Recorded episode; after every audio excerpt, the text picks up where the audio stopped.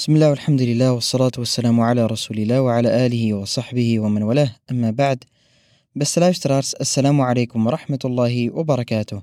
Welkom bij de Ramadan-adviezen, dag 14. Vandaag gaan we het hebben over het dua. En in het Nederlands wordt de dua ook wel smeekbeden genoemd.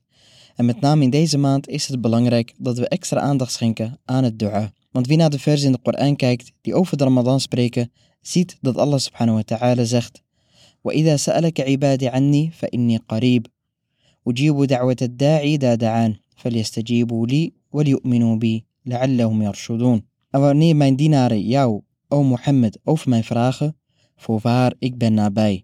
Ik verhoor de smeekbeden van de smekende wanneer hij mij aanroept. Laat hen mij daarom gehoorzamen en in mij geloven, opdat zij geleid zullen worden.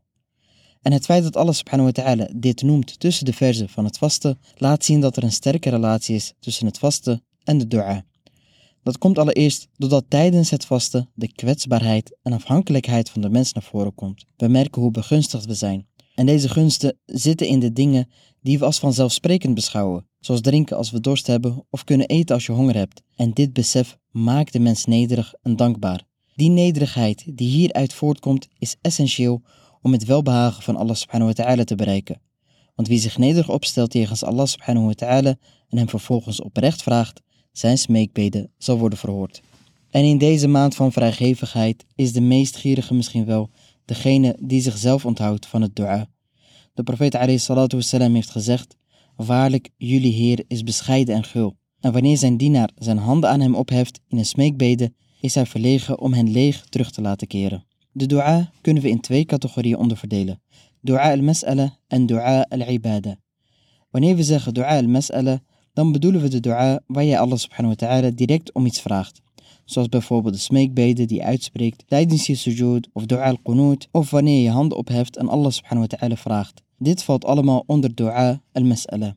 En dua al-ibada, oftewel dua van de aanbidding, is in principe elke aanbidding die je doet want eigenlijk vraag je met jouw aanbidding dat Allah subhanahu wa ta'ala je beloont, je vergeeft en je het paradijs schenkt. Want niemand van ons zal het paradijs binnentreden met zijn daden alleen. Onze daden, al zijn ze nog zoveel, ze zullen niet opwegen tegen de gunsten van Allah subhanahu wa ta'ala. Onze daden zullen ons helpen om het paradijs binnen te komen, maar het zal middels de barmhartigheid van Allah subhanahu wa ta'ala zijn dat wij daadwerkelijk het paradijs zullen binnen doen treden. De profeet alayhi heeft gezegd, niemand zal het paradijs binnentreden met zijn daden. Waarop de sahaba radiallahu anhum zeiden, ook jij niet ja Rasulullah? Waarop hij zei, nee, ook ik niet.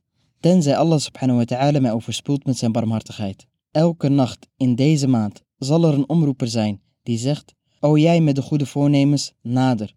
O jij met de slechte voornemens, onthoud. Allah subhanahu wa ta'ala zet in elke nacht van deze maand slaven vrij van het hellevuur. Dus samenvattend, we dienen ons nederig op te stellen wanneer we Allah subhanahu wa ta'ala aanroepen en we dienen bewust te zijn hoe afhankelijk we zijn van zijn barmhartigheid. Vanzelfsprekend kent de dua wat regels en etiketten en zijn er ook momenten waarop het aangeraden is om de dua te doen.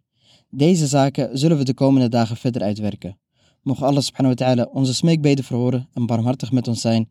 Wa sallallahu wa sallam wa barak ala nabiyina Muhammad wa ala Bedankt voor het luisteren. Wassalamu alaikum wa rahmatullahi wa barakatuh.